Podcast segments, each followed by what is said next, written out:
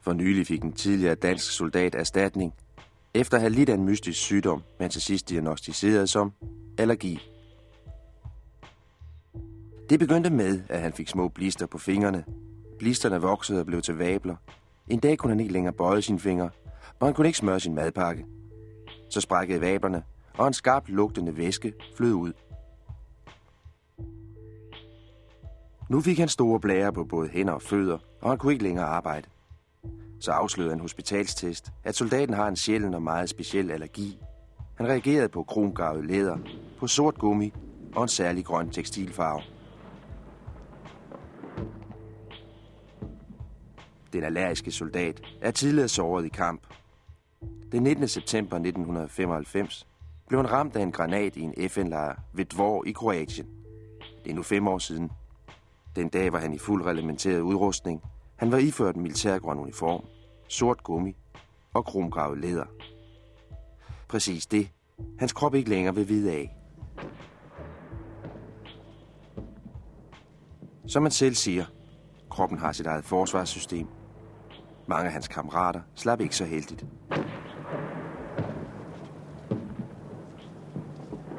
Vi sender De hjemvendte fra Dvor.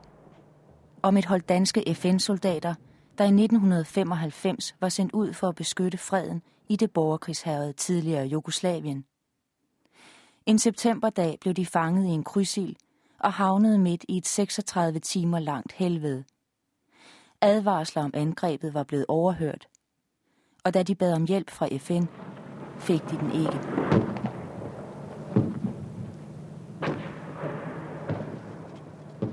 Radioens dokumentargruppe har talt med 55 af de hjemvendte soldater fra Dvor, fem år efter. For mange er mareridtet aldrig holdt op. Mindst to har begået selvmord, og halvdelen har været ramt af psykiske følger. De vendte tilbage til Danmark, og et liv, der for altid er forandret. Forliste familier og karriere, angstanfald, nervesammenbrud, apati. De har endnu ikke fået den hjælp, de troede var en selvfølge. Latent har de helt klart et sammenbrud siddende klar. Der skal kun en udløsende faktor til, så bryder det ned. Nogle kan blive mere hæmme i deres livsudfoldelse, og nogle kan være mere udlevende, at de ligesom reagerer de der impulser ud. Og, og i den forstand, så kan der være tale om teknobomber. Jeg vil også sige fra, fra Vivi Karp tager afsked med Andy. Og så, og så et måned efter, hvor jeg hentede ham ud i lufthavn. Altså, det, det, det var ikke den samme person.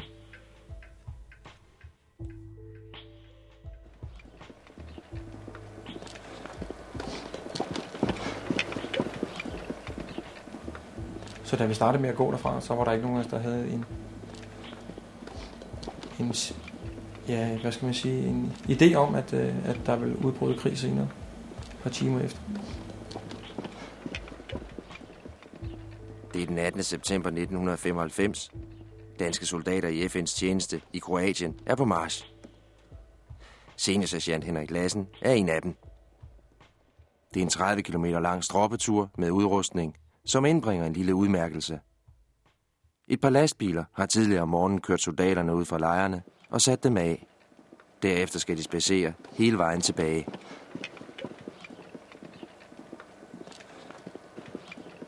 Det er den såkaldte Danbatmars, der er blevet fast tradition i de danske missioner i udlandet. Hverdagen er ellers temmelig triviel, og forhold moralen og konditionen på plads bliver det opfattet som en sund og god beskæftigelse med en solid spaceretur. Som her i det smukke kroatiske landskab. Men denne dag er noget anderledes, end det plejer. Vi observerede øh, kroaterne i store mængder i, øh, i linjen omkring øh, floden over til Serbien. Og øh, det gjorde så, at vi blev selvfølgelig mistænksomme, da vi så, at de havde hjelm på, og at de havde signalkøretøjer og landgangsfartøjer. Så det lignede jo, som om de var klar til at, at, at udføre en mission over på den anden side til serberne. Fortæller seniorsergeant Henrik Lassen. Marsen er startet klokken 6, og allerede inden for den første halve time passerer de danske soldater lange rækker af kroatiske militærkøretøjer og tungt materiel. På vej mod den danske lejr. Lastbiler, amfibiekøretøjer, landgangsbroer. Det undrer nogle af soldaterne sig over. Kroaterne til gengæld ryster på hovedet over flokken af danske soldater på vandretur. Det er da set fuldstændig latterligt ud. Der kommer sådan to lastbil fyldt med mennesker, der bliver smidt af, og så skår de forbi dem. Altså, med kasketter og masser af vand, og ser rigtig lalleglad ud. og de vidste, de skulle i krig. Ja, det, det må have set totalt dumt ud. Siger konstabel Morten Meiner, der dengang var med på marchen. Solen får langsomt magt, men samtidig begynder det at rumle og bulre i det fjerne. Soldaterne slår uroen hen. Også da en gammel kroat på vejen henvender sig. Han peger på tændingen og siger, bum bum, tode, tode. Der var en tysk, eller en kroater, der stansede og talte tysk til os og sagde, at vi skulle ikke tage tilbage til Dvor, fordi at de var begyndt at skyde på hinanden. Serber og kroater. Men vi grinede jo af ham og rystede på hovedet og gik videre. Fortæller seniorsergeant Henrik Lassen. De danske lejre ligger præcis midt mellem de stridende parter. De bosniske serber i øst og kroaterne i vest. I en af lejrene, Kamp Dannevirke, går dagen sin vanlige rolige gang.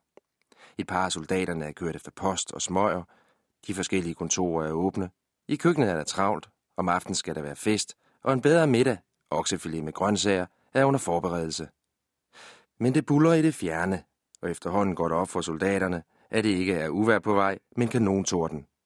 I det område, hvor soldaterne marcherer, alene udrustet med lette våben. Og det er et problem. I lejren slås der alarm.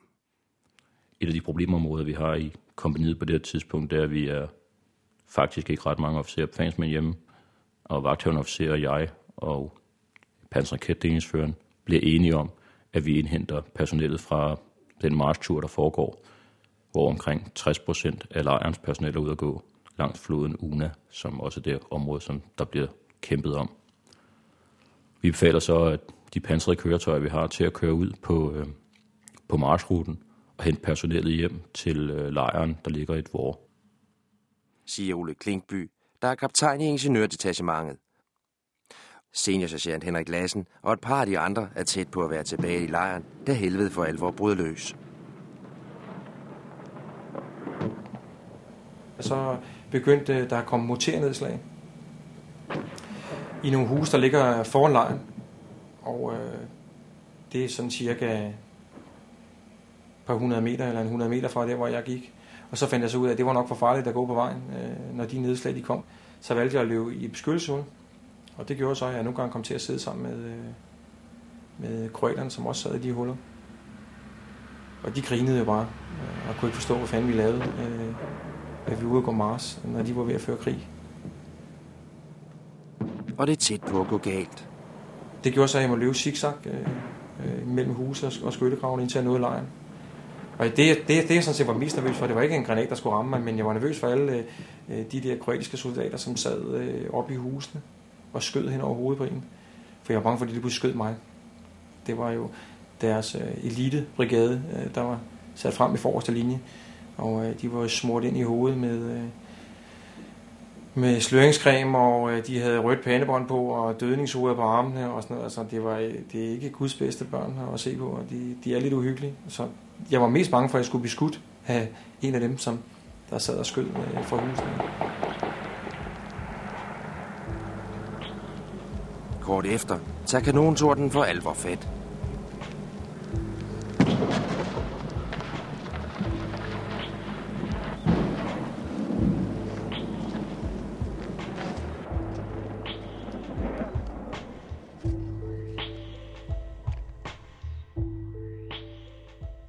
Siden 1992 har danske FN-styrker været udsendt på fredsmissioner i Bosnien og Kroatien.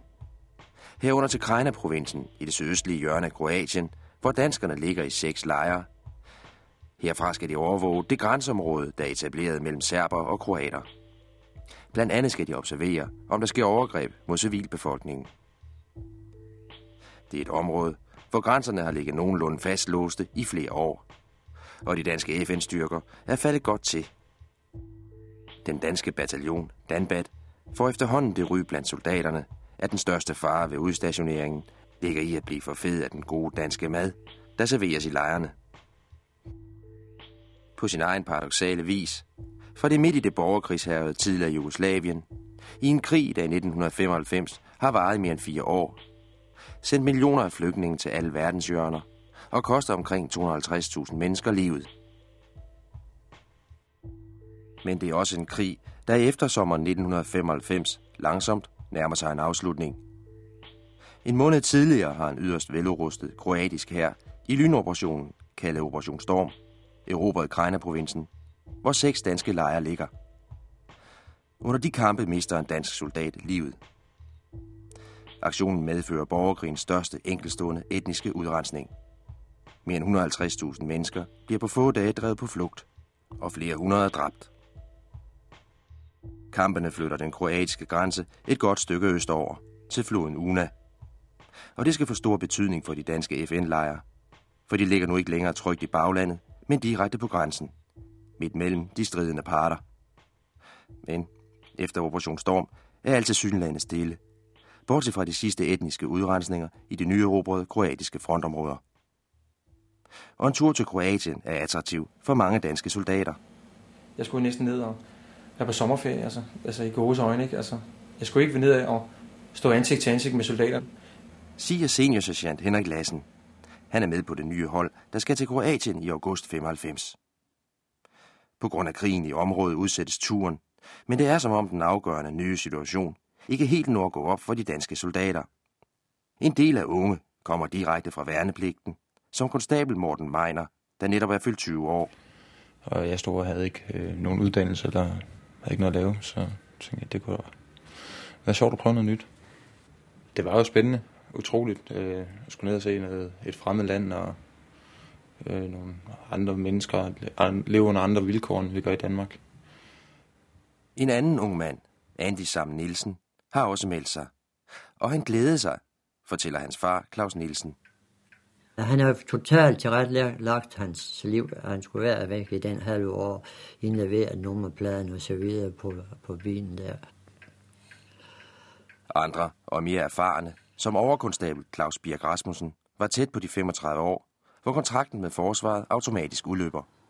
Jeg havde lyst til lige nok at prøve det en sidste gang, før jeg skulle hjemsendes. Så der var det lige passe med, at man afsluttede karrieren med en tur sydpå, som man kalder det. Og plus det er, at øh, en masse af de gamle rødder her på kasernen, alle mine kollegaer, de skulle afsted. Lige nok det på det hold der. Så derfor der ville det være godt lige at have en tur sammen med dem til sidst. Holdet samles hen over sommeren 1995 til øvelser og træning. På grund af kampene i området i Kroatien udsættes afrejsen nogle uger. I løbet af august måned gennemføres rejsen. De først ankomne danskere når at overvære kroatiske soldaters massakre på civile fra nabolaget. Og situationen i området er fuldstændig forandret. Lejrene ligger nu midt i frontlinjen. Det er derfor besluttet, at de skal nedlægges. Soldaterne, der skal pakke lejrene sammen, får ikke indtryk af, at den nye situation gør deres opgave farligere. Det er så vores lille fraphæring, vi må have lavet. Det er vores video og fjernsyn og stereoanlæg. Soldaterne bor i præfabrikerede containere, tre mand i hver. Senge, skabe, et bord, fjernsyn og lidt nips på væggene. Lejren har et motionscenter, messe og computerrum. Og det bliver hurtigt hverdag. Op om morgenen, i bad og til appel. Og så i gang med dagens arbejde. Fritiden fordrives med spil, videofilm, at skrive breve og gå i messen. Soldaterne er i kontakt med civilbefolkningen. De observerer, og nogle af soldaterne ser ubehagelige ting. Men om aftenen vender de tilbage til den oplyste lejr med pølsevogn og parasoller, hvor de spiser den gode danske mad og drikker øl med kammeraterne i messen. Alt er fredeligt og roligt på overfladen. Vi gik og blev betegnet som øh, hold luk og sluk. Og øh, det, det er ikke det bedste for moralen. Det vil sige, der blev drukket lidt mere end øh, godt er. Der blev udskejet mere end godt er. Og øh, de stedlige chefer blev også lullet i søvn. En falsk sikkerhedsfornemmelse. Og det var blandt andet det, der gjorde, at vi blev taget med bukserne ned om hælene. Siger Torben Rønne, der var spejder i Kamp Bylov. Dagene går i lejrene uden de store oplevelser. Men den 12. september er der afbræk i hverdagen. Forsvarsminister Hans Hækkerup kommer på besøg fra Danmark. Lejren er på den anden ende, der luges, vaskes, pusses og males. Og i køkkenet er der travlt med aftens flotte festmenu. Hummer, steg og hasselbagte kartofler og banandessert.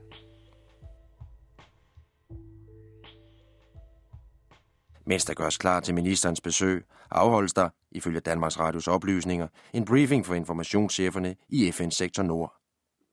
Til stede er danske, ukrainske, jordanske og polske informationschefer, sammen med den overordnede informationschef for hele Sektor Nord. Polakkerne og ukrainerne fremlægger situationen. De mener, at kroaterne planlægger at angribe ind i Bosnien i nærmeste fremtid. Det er ikke kun FN, der har informationer om kroaternes krigsplaner. Erik Dalgaard Jensen, der tilhørte EU's korps af observatører, som patruljerede i området, er lignende orienteret. En af indfaldsvejene, som vi fik demonstreret, den var lige nøjagtigt dernede igennem det område, det danske område. Ved du, ja, det var simpelthen en, indfalds, en indfaldsakse. Men hvad gør I så med sådan nogle informationer i forhold? Den øh, hvad hedder det, sætter vi os så ned og laver et resume af, og så skal, sender ind til hovedkvarteret i, øh, i, i Zagreb. Øh, og det, det, der egentlig kommer ud af, det er, at det bliver bekræftet, at det er, er en af de helt faste planer, kroaterne har, at de løber den vej, og måden de vil gøre det på. EU's observatørkorps sender blandt andet observationsrapporterne til det danske udenrigsministerium.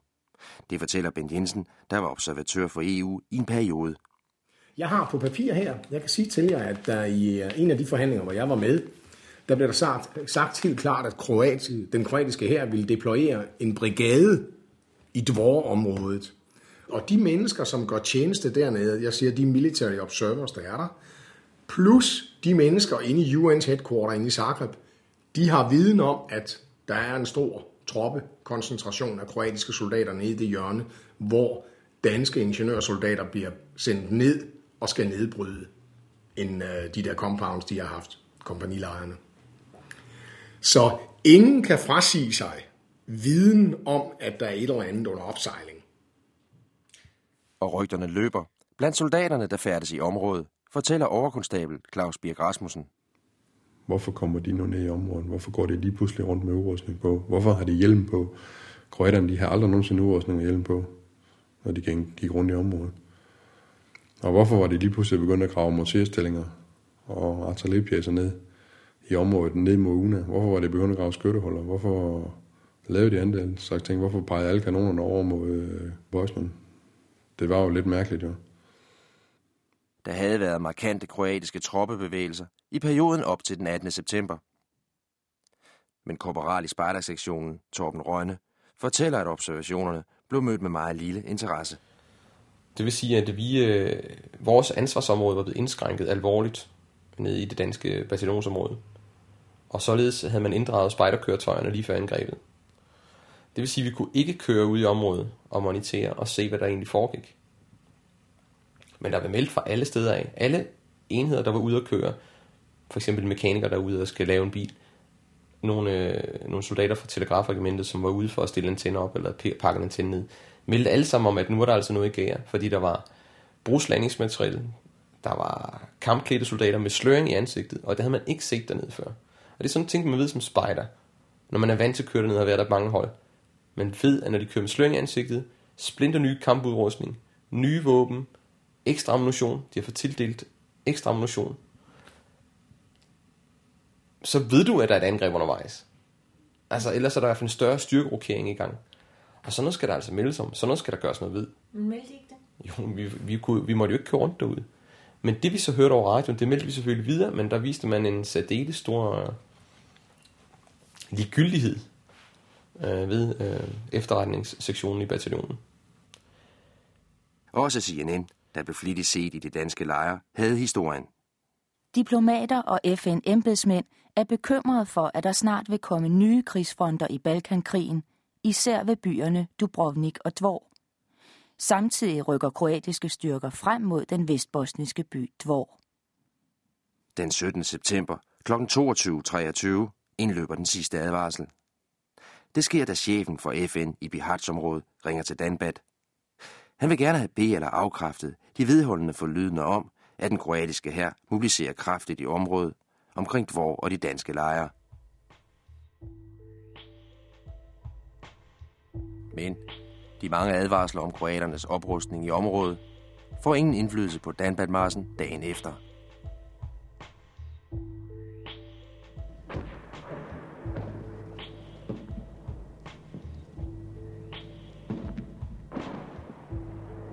Og næste morgen, det er den 18. september 1995, dagen hvor den store Danbatmars foregår, går det galt.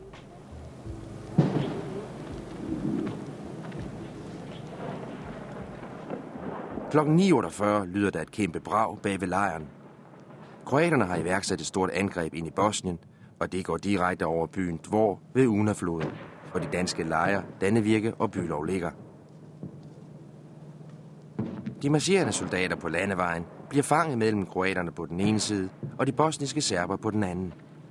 I al hast bliver de danske soldater i pendulfart frattet tilbage til lejrene i pansrede mandskabsvogne.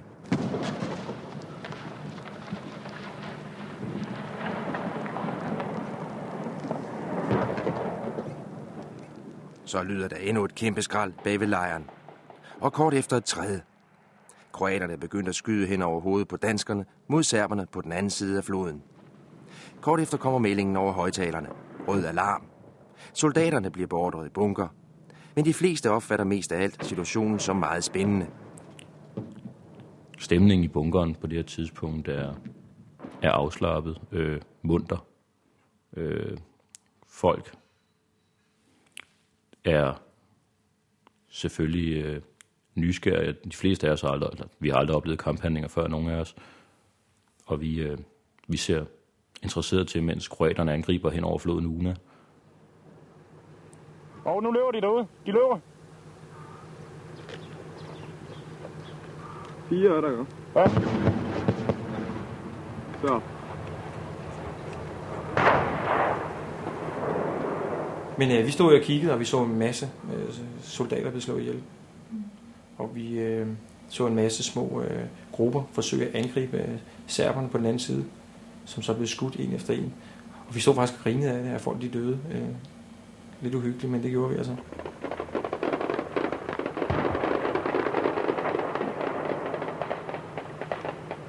Han er færdig. Jeg har ham som sort plet i kameraet. Og så kunne vi kun stå og vente på, hvornår næste vil gøre det igen. Og det synes vi var meget spændende. Klokken 11.47 er alle tilbage i lejren og i deres bunkers. Hullerne, der består af en udgravning overdækket med sandsække, eller som sandsækkevolde oven på jorden. Soldaterne forbereder sig på at være i bunkerne i længere tid, laver vagtplan, holder øje med slagets gang udenfor. Der er endnu ingen, der viser tegn på nervøsitet. Vi var jo, var jo kun øh, UN-folk, og øh, alle vidste jo, at der lå en UN-lejr her, så der var jo ikke en granat, der ville lande i vores lejr. Soldaterne skiftes til at stå og holde øje med slagets gang. Nogle filmer med et videokamera. Her er lydsporet. De ligger bag ved os, og de ligger på siden af os, de kroatiske styrker. Er det som om, at kroaterne, de, de udnytter lidt, at, øh, at UN ligger her? Ja. Så de lægger sig op af os, for at øh, i den tro, at, at serberne ikke skyder på os, men øh, Det har de gjort. gør det alligevel. I mellemtiden cirkler folkene fra panserværnet rundt i lejrene i to pansrede mandskabsvogne. Det er soldaterne fra Jyske Dragonregiments panserværnssektion, der bemander dem. Heriblandt konstabel Andy Sam Nielsen. Fra vognens kikkertsigte observeres de serbiske stillinger på den anden side af Unafloden.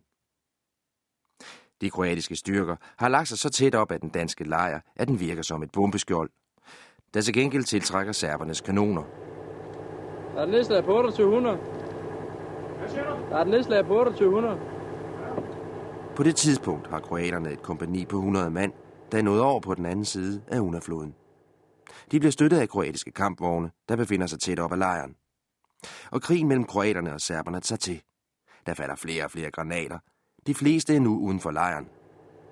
Soldaterne følger interesseret slagets gang. Der er nedslag på 2850.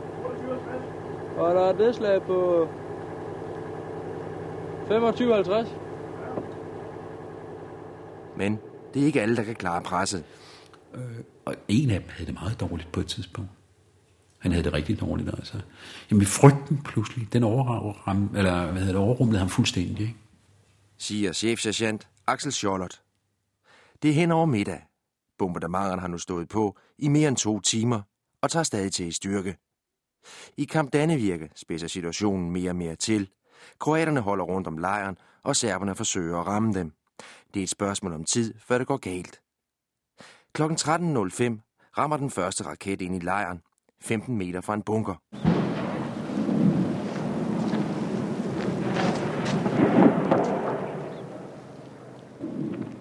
Få sekunder senere rammer den mortergranat selve min bunker og ødelægger et af mine observationsanlæg, hvor jeg gudskelov ikke har noget personel inde i. Og øh, der, der er det tæt på. Kaptajn Ole Klinkby sidder i bunkeren. Et trangt rum på 5 gange 7,5 meter. I den ene side en bænk, og i den anden en forhøjning, man kan sove på.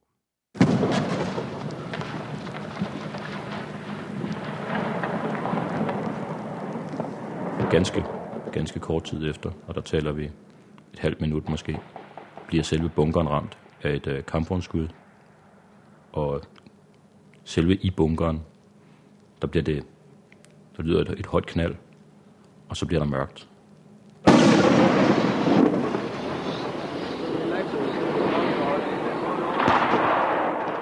I bunkeren har to af soldaterne sat sig på bænken, taget hjelmene af et øjeblik.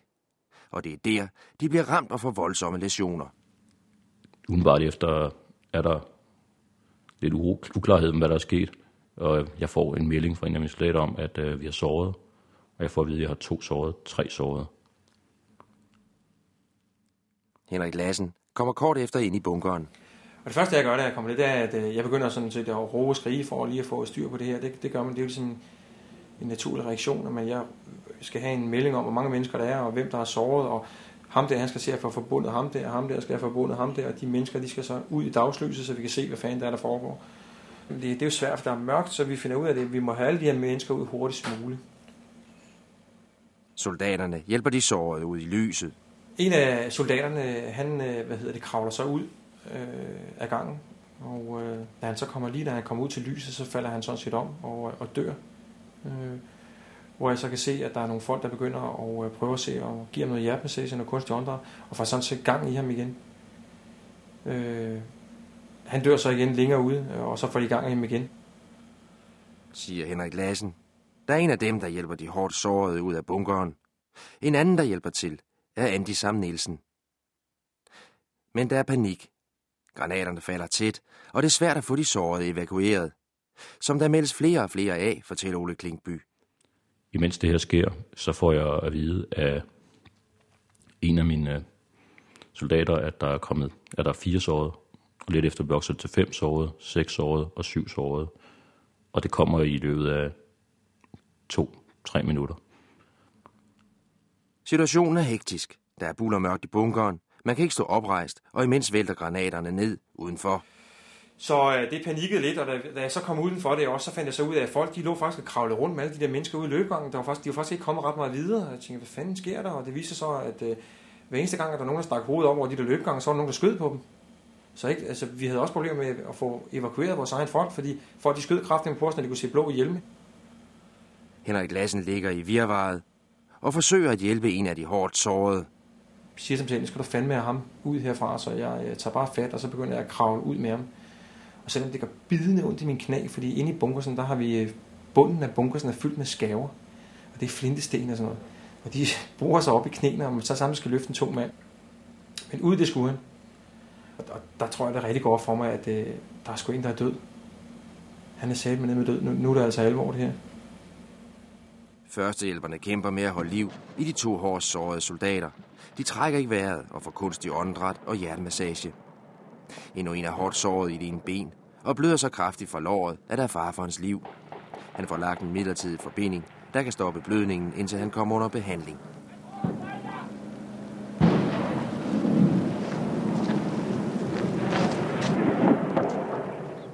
Beskydningen er nu så intens, at hjælpen ikke kan nå frem til de hårdt sårede. I de andre bunker kan man kun følge passivt med i radiomeldingerne.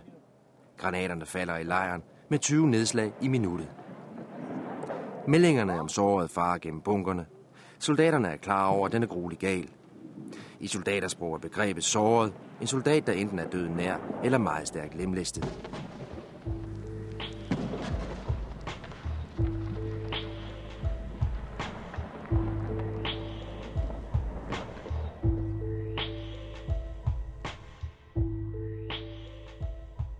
Efterhånden som det lykkes at få hjælpen frem, kan tabene gøres op. Fire er hårdt såret. Yderligere tre soldater er såret af granatsplinter i ben og arme. Og da de kørte derfra, og vi fik kigget på os selv, så kan jeg da huske, at øh, jeg tænkte på, fy for satan, da jeg, jeg var sådan smurt ind i blod. Øh, det var ulækkert. Øh, jeg havde, det havde jeg virkelig dårligt over, jeg havde så meget blod på mig. Og jeg, jeg tænkte virkelig på, at jeg var nødt til at have noget andet tøj på. Jeg kunne simpelthen ikke have rundt med alt det her blod på mig. Så den havde alle folk, havde det der, ej, ad, altså, man havde blod på sig. Altså det er ikke fordi, at det, jeg ved ikke, hvorfor den, det, den tanke, den strejfede mig. Om det var fordi, jeg var bange for blodet, eller om det var fordi, jeg vidste, det tilhørte nogen, som måske skulle dø. Jeg ved det ikke, men jeg blev lige pludselig meget ked af det blod, jeg havde på mig. Og, og, og jeg brugte utrolig meget energi på at finde ud af, hvordan jeg skulle få det af. Siger Henrik Lassen.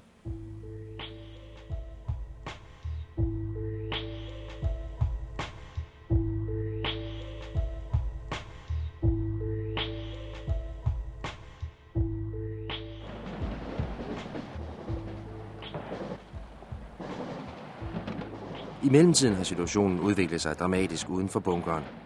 Lejren er under kraftig bombardement og er blevet truffet af flere hundrede mortergranater og ammunition fra andre våben. Det store depotområde, der ligger lige bag ved bunkeren, er brudt i brand.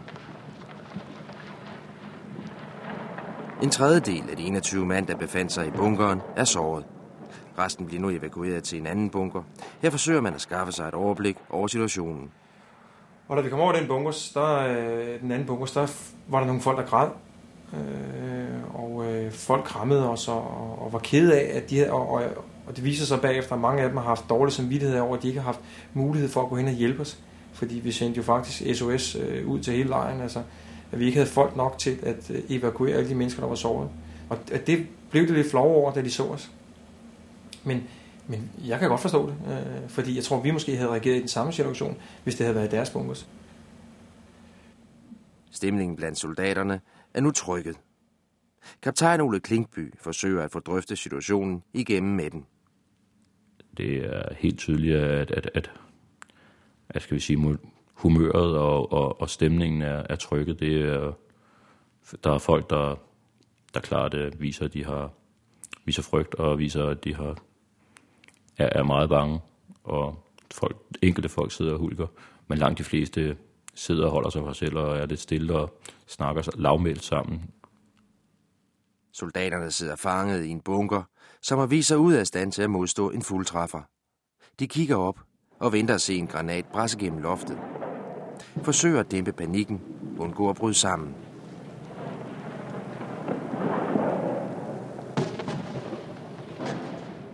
Men flere af soldaterne begynder at krakelere. En vil ud af bunkeren og hente en pose slik. En anden taler uafbrudt om sin kaffemaskine. En tredje leder efter sit gevær. I løbet af eftermiddagen, der er der et par af mine soldater, der viser klare tegn på psykiske kampskader, i form af, at, at, at de begynder at krakelere, og, øh, og, og nogle bliver exceptionelt pedantiske. Siger Ole Klinkby, og reaktionerne er begyndt at sætte ind. Øh, efter vi havde øh, den træffer dernede hos os, hvor vores to ingeniører døde, der havde den ene af mine soldater der, han, øh, han var over hjælpen over, fordi han var sanitetsuddannet. Han kom tilbage og havde fået en hjelm med tilbage, som ikke var hans egen hjelm. Den var der altså blod på. Han var ved fuldstændig at gå i panik. Jeg må tage den hjelm, så kylede jeg den bare ud af dækningsanlægget. Han kunne se det, han kunne lugte han bagefter. Han fortalte mig, lang tid efter fortalte han mig, at han kunne, han kunne se det her blod på sine fingre. Selvom han stod med helt ringvaskede hænder, så kunne han se det. Fortæller Axel Schollert. I de enkelte bunker forsøger de unge befalingsmænd, der typisk er mellem 25 og 30 år, at holde panikken nede. Men bombardementet fortsætter med voldsom kraft, og timerne går. det bullerede og det bragede simpelthen ind over lejren en gang imellem, øh, så det var helt forfærdeligt. På et tidspunkt, der havde jeg det virkelig til at tænke, vi kommer ikke herfra. Det, det, jeg troede det ikke. Altså, jeg troede, at øh, måske kroaterne ville vælte ind over lejren. På et tidspunkt, der kørte de en kampvogn op. Den holdt mindre end 20 meter fra det dækningsanlæg, hvor jeg sad. Øh, man kunne høre lige så tydeligt hver gang, at der blev sat en kampvognsgranat ind i den. Den metallyd. Det kunne, jeg, jeg kan høre det for mig lige nu, altså, hvordan det her runk. Og øh, ja, så skød de jo med det samme. På et tidspunkt, der sad jeg faktisk og troede på, at øh, de kunne finde på at rette det der kampvognsrør lige i, i det dækningsanlæg, vi sad på. Så havde det jo ikke holdt, holdt ret meget det dækning.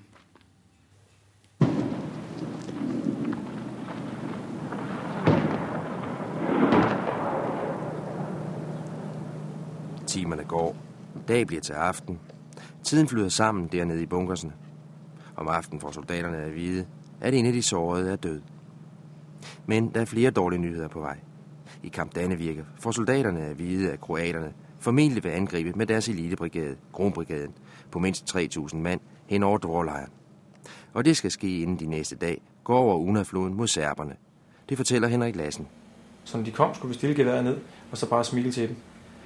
Og der kan jeg godt huske, da det skete, der tænkte vi, nu stiller vi træskoene alle sammen. For når de løber ind over vores lejr, så vil de have nogle af vores ting, og hvis vi ikke slipper det, så skyder de os. Og når de løber ind over vores lejr, så bomber serberne dem hele vejen. Så der var vi sikre på, at der skulle vi dø. Og der begyndte folk at skrive nogle testamenter. Det gjorde vi sgu alle sammen. Der satte vi os ned og skrev nogle papir, og så har vi alle sammen har en body, som vi kalder det. Og gemte vi det ind under vores fragmentationsvest og sagde, altså, når, når jeg dør, så ligger mine ting derinde til min familie, og sådan og sådan og sådan.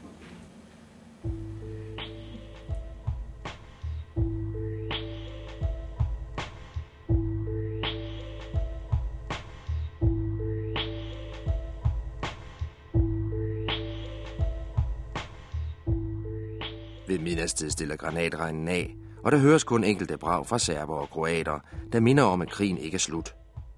Fra FN er der kommet besked om, at lejren skal rømme, så snart det kan lade sig gøre, men danskerne vurderer, at det vil være alt for farligt at forsøge at komme ud.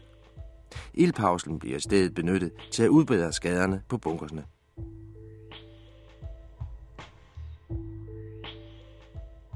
Soldaterne får også lov til at hente deres udrustning, så de er klar til at blive evakueret. De henter stole, soveposer, dyner og ordentlig mad fra køkkenet. Natten falder på. Nu venter man kun på de kroatiske elitebrigader og en ny dag med krig. Hvor lang tid har vi ligget i bunkeren nu?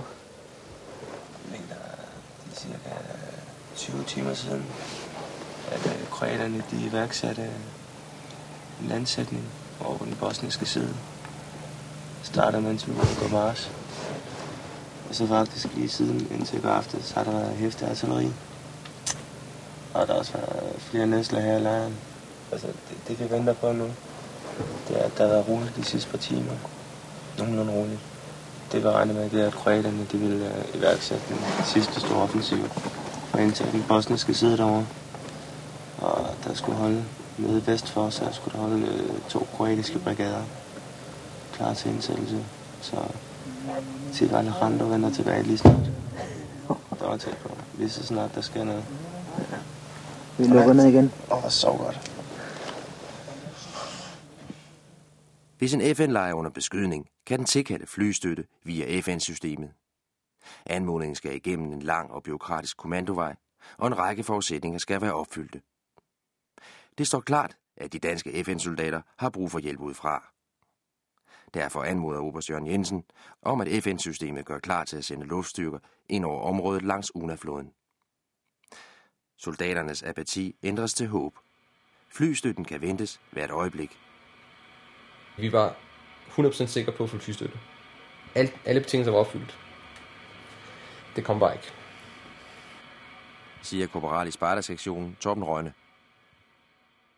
De danske soldater har udpeget de kampvogne, der skyder direkte ind i lejren, og man har beregnet deres koordinater. Danskerne er klar til at affyre deres våben, men kan ikke garantere, at man undgår at ramme en landsby i bjergene. Situationen taget betragtning, om, at der er kaldt flystøtte, som vi selvfølgelig forventer, vi får inden for ganske få minutter på det tidspunkt. Så vælger vi ikke at skyde, men holder motorsektionen klar til åben ild.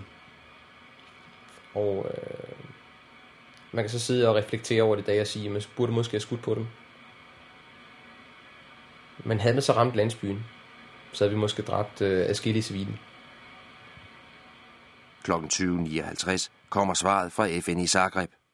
Ingen flystøtte til danskerne. Skuffelsen blandt soldaterne er enorm.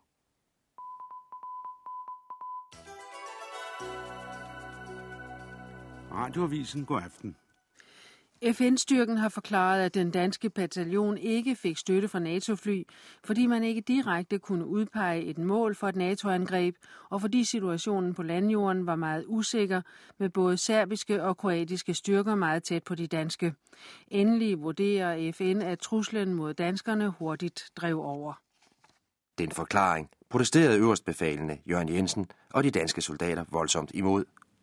Jeg ved, at vi rekvirerer flystøtte, og vi har udpeget øh, klare mål øh, med 10 koordinater, det vil sige, at det er nogle meget præcise måltagninger af, hvor, fjend, hvor de fjendtlige mål er henne, som vi ønsker flystøtte mod.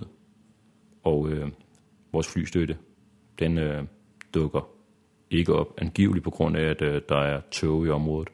Og det må så i givet fald have været over de baser, der skulle levere flystøtten, for det kan ikke være hos os, for vi oplever ingen tog. Flystøtten kommer i midlertid aldrig, uanset hvad der ligger til grund for det. Det er også øh, relativt irrelevant for os. Den kommer ikke. Siger kaptajn Ole Klinkby. Det er dog en protest, de kommer til at stå ret alene med. FN's beslutning om aflysning af flystøtten må på det foreliggende grundlag accepteres som operativt begrundet. Skriver Forsvarsministeriet 29. september 1995 på baggrund af en redegørelse fra Forsvarskommandoen. I pressemeddelelsen udtaler forsvarsminister Hans Hækkerup. Jeg finder på denne baggrund, at der ikke er grundlag for at rejse kritik i forbindelse med episoden. En højt placeret militærmand, der dengang var direkte involveret i beslutningen i FN's hovedkvarter i Zagreb, fortæller under løfter om anonymitet, at flystøtten blev nægtet på grund af store politiske hensyn til forhandlinger i og omkring Sarajevo.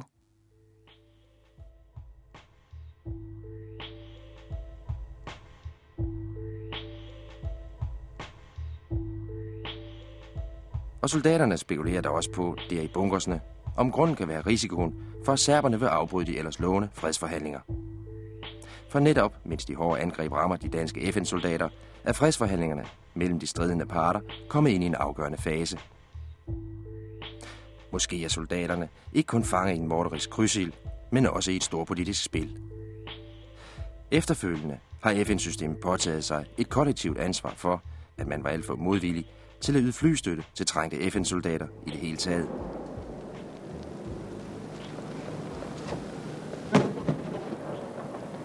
Vi har ligget i skjul her i nat, fordi at øh, kroaterne har angrebet serberne over. Så vi er nødt til at måtte søge bunker. Det har været en ubehagelig oplevelse, men øh, vi har nogen, der kan klare det, så længe det varer. Kort før daggry, tirsdag den 19. september, tager kampene til igen. De kroatiske elitestyrker forsøger på ny at krydse floden med kampvogne og artilleri. Allerede fra morgenstunden rammes lejrens tankanlæg med 17.000 liter diesel. Det varsles, at lejren evakueres ved førstkommende pause i beskydningen, men den kommer ikke. Nu er der flere soldater, der knækker sammen under presset. Ved 17-tiden skærer den skingre lyd af et jægerfly gennem luften. For en kort stund tiger kanonerne. Nu er flystøtten her endelig, tænker soldaterne. Blandt dem Henrik Lassen. De vil så kom serberne kraftet med et jægerfly, øh, ikke? selvom der ikke måtte være nogen fly i luften, som NATO skulle, øh, skulle stå for, jamen så kom der sgu et jægerfly alligevel. Øh, og der tror jeg, der var mange folk i lejren, der knækkede øh, på grund af det, fordi så kunne der jo komme hvad som helst. Så, så nu var man slet ikke sikker på noget som helst, var vi overhovedet beskyttet af nogen som helst. Piloterne sigter til sydenlandet ikke efter lejren, men efter de kroatiske styrker, der rammes med klyngebomber. I Camp Bylov gør man klar til at evakuere lejren. Under forberedelserne går Claus Birk Rasmussen ud af bunkeren. Kort efter slår en granat ned midt i lejren. Jeg hører det, altså de sidste øh, man sige, to meter, den falder, der kommer det, der siger det noget. Der kommer bare det der, og så lyder det der kæmpe knald, så umiddelbart skråt bag en. Og så til sidst man så når at tænke der, før man blev slået bevidstløs, det er, at hold da kæft.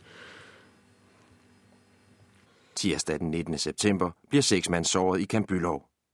Oberst Jørgen Jensen sender en officiel anmodning om flystøtte til FN.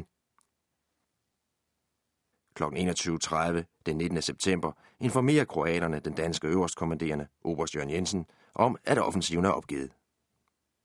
Kl. 22 stopper beskydningen af Dvor, efter 36 timer og med mere end 250 nedslag i selve lejren.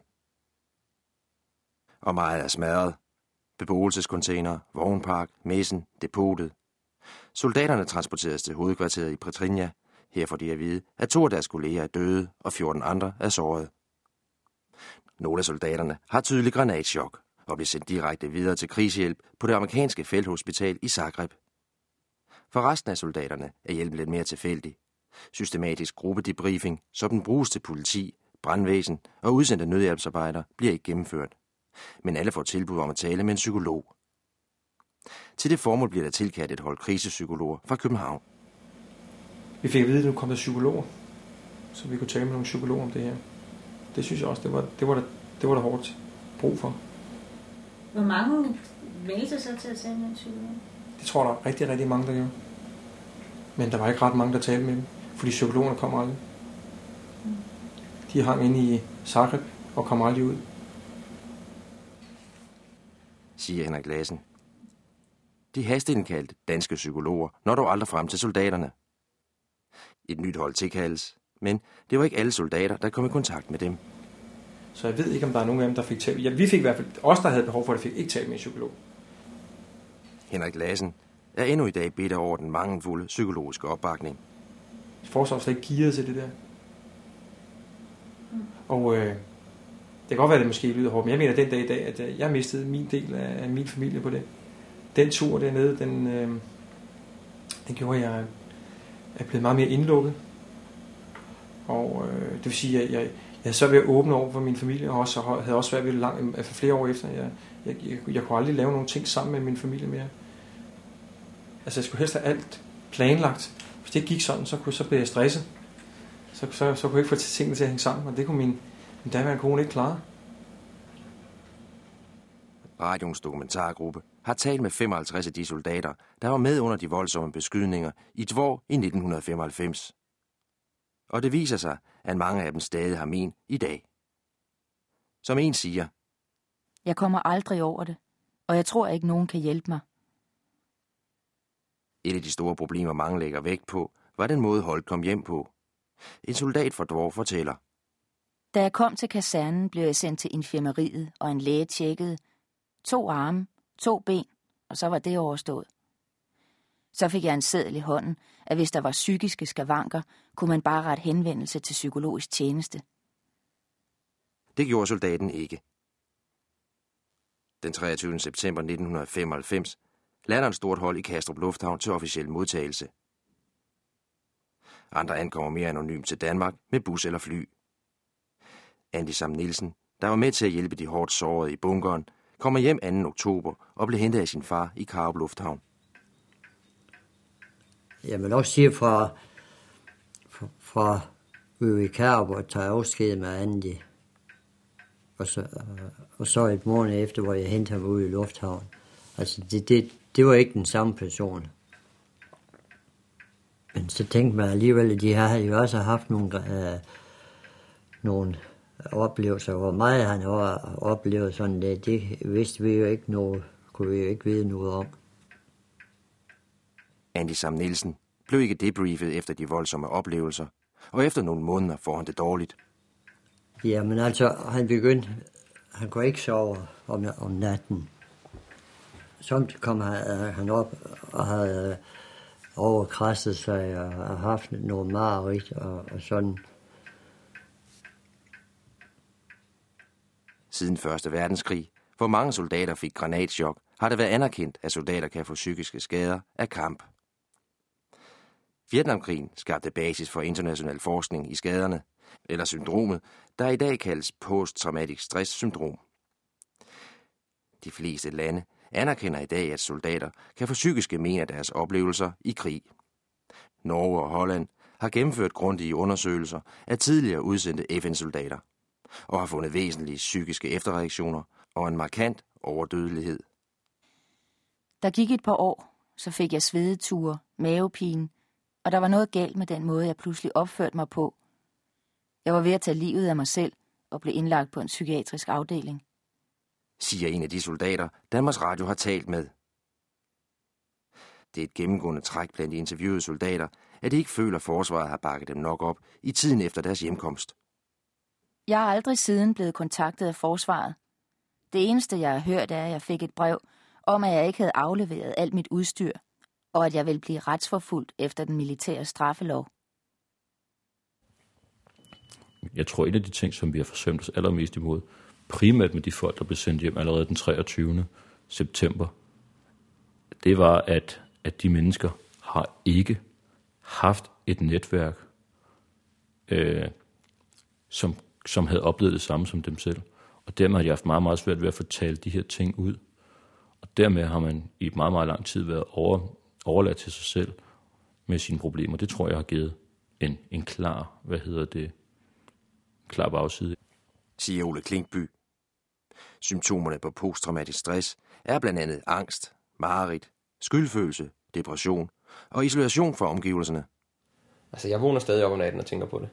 Og øh, jo mere man sidder og snakker om det, og kommer til at tænke tanker om det, ikke? Altså, jamen, så kommer det også tæt ind på kroppen. Og i nogle pressesituationer, der flyver tankerne også tilbage. Øh, og jeg kan godt mærke det, altså, altså så bringer det lige, man kan godt mærke, at frygten ligger lige under overfladen. Øh, og selvfølgelig bliver man også ked af det, ikke? Jeg har meget mere let ved at blive ked af det, ting nu. Siger Torben Rønne. Et af de klassiske symptomer på posttraumatisk stresssyndrom er, at man isolerer sig fra andre mennesker.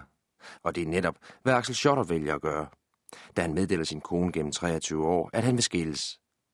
Bagefter skriver han til familie og venner, at han afbryder enhver form for forbindelse. Jeg har valgt at, at være helt alene. Jeg har alt, hvad jeg havde af omgangskreds og alt, det har jeg sagt farvel til. Mm. Altså, jeg, jeg må indrømme, på det tidspunkt, der havde jeg virkelig brug for bare at være alene. Jeg havde fuldstændig brug for, at der ikke var nogen, der sagde noget til mig, at, at der ikke var en radio eller et fjernsyn eller noget, der kørte, men at der var ro. Fuldstændig. I dag sidder jeg nu her måske de her fire år efter, altså, øh, og kan godt måske sige, gud, det var egentlig ærgerligt, at jeg sagde farvel til alt. Øh, en god ven, jeg havde haft i 30 år, mere end 30 år, ham og hans kone og deres børn, dem sagde jeg også farvel til. Fra den ene dag til den anden. Siger Axel Schollert. Ekspert i krigspsykologi ved Aarhus Universitet, Ask Elklit, mener at soldaterne fra Dvor lider en variant af posttraumatisk stresssyndrom. Overlevelsesskylden. Den gør, at man enten lukker sig inde og afskærer sig fra et aktivt liv sammen med andre mennesker, eller at man begynder at bryde grænser, for eksempel i form af ekstrem sport, kriminalitet eller hasarderet bilkørsel. Måske fordi de stadig har en tro på, at, at de er usårlige, men måske også fordi, at de et sted ønsker på en måde at, at blive stoppet. Og, og det kan man se som mere ubevidst som forsøg på at, at forlige sig med noget af det, der er sket, af det der meget voldsomt. Må de have følt en dødsangst alle sammen? Omfattende norske undersøgelser af tidligere FN-soldater har vist en overdødelighed på omkring 130 procent. Og det kan man, ifølge Ask Elklit, bedst forklare med eksempler på overlevelsesskyld. Se sin dejlige søn uh, forsvinde langsomt fra os, uden man kan gøre noget.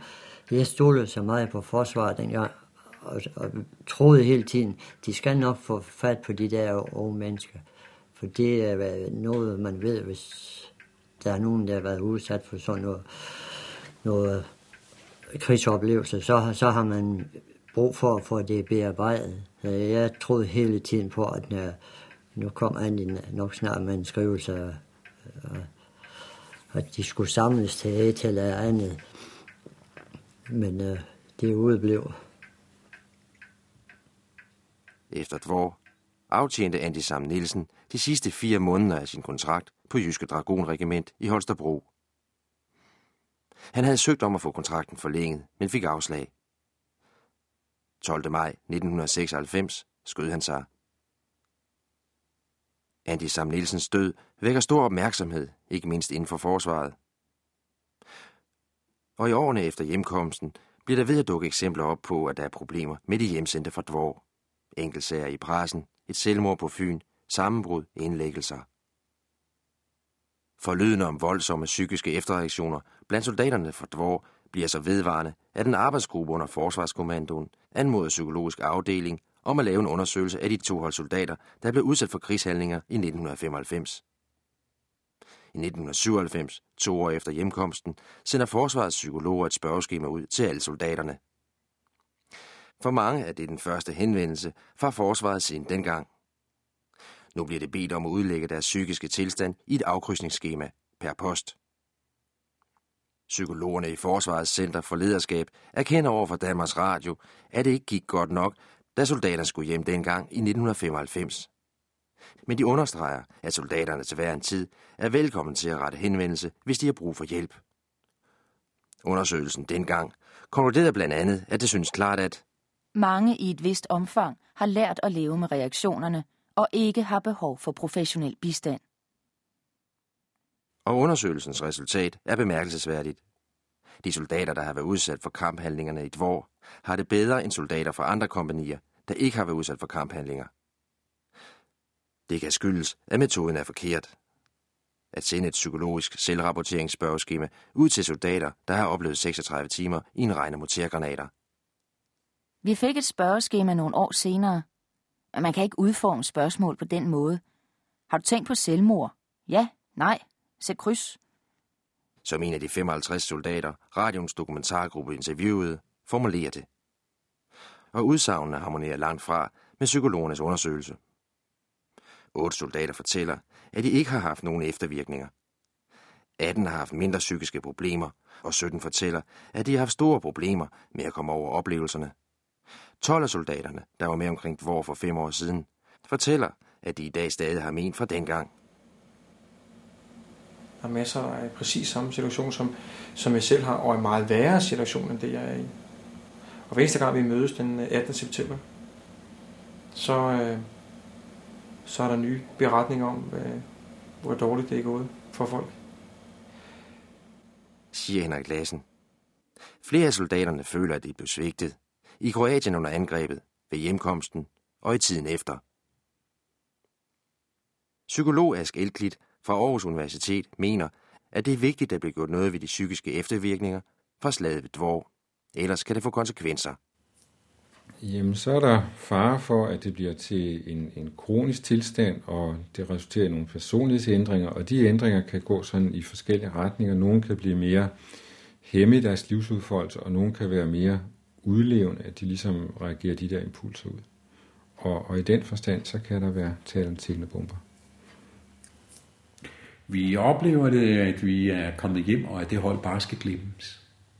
Øh, og vi tror på, at øh, forsvarets ledelse er udmærket klar over, at man ikke klarede den opgave særlig godt, og man ønsker ikke at snakke om den for meget. Og øh, så kan man lige så godt tige det ihjel. Man kan jo ikke, man kan jo ikke sige, at missionen mission accomplished.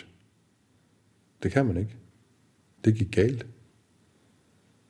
Og det er måske det, man ikke rigtig vil erkende. Det er det, man ikke rigtig vil øh, have frem i lyset. Det gik sgu ikke godt, det her.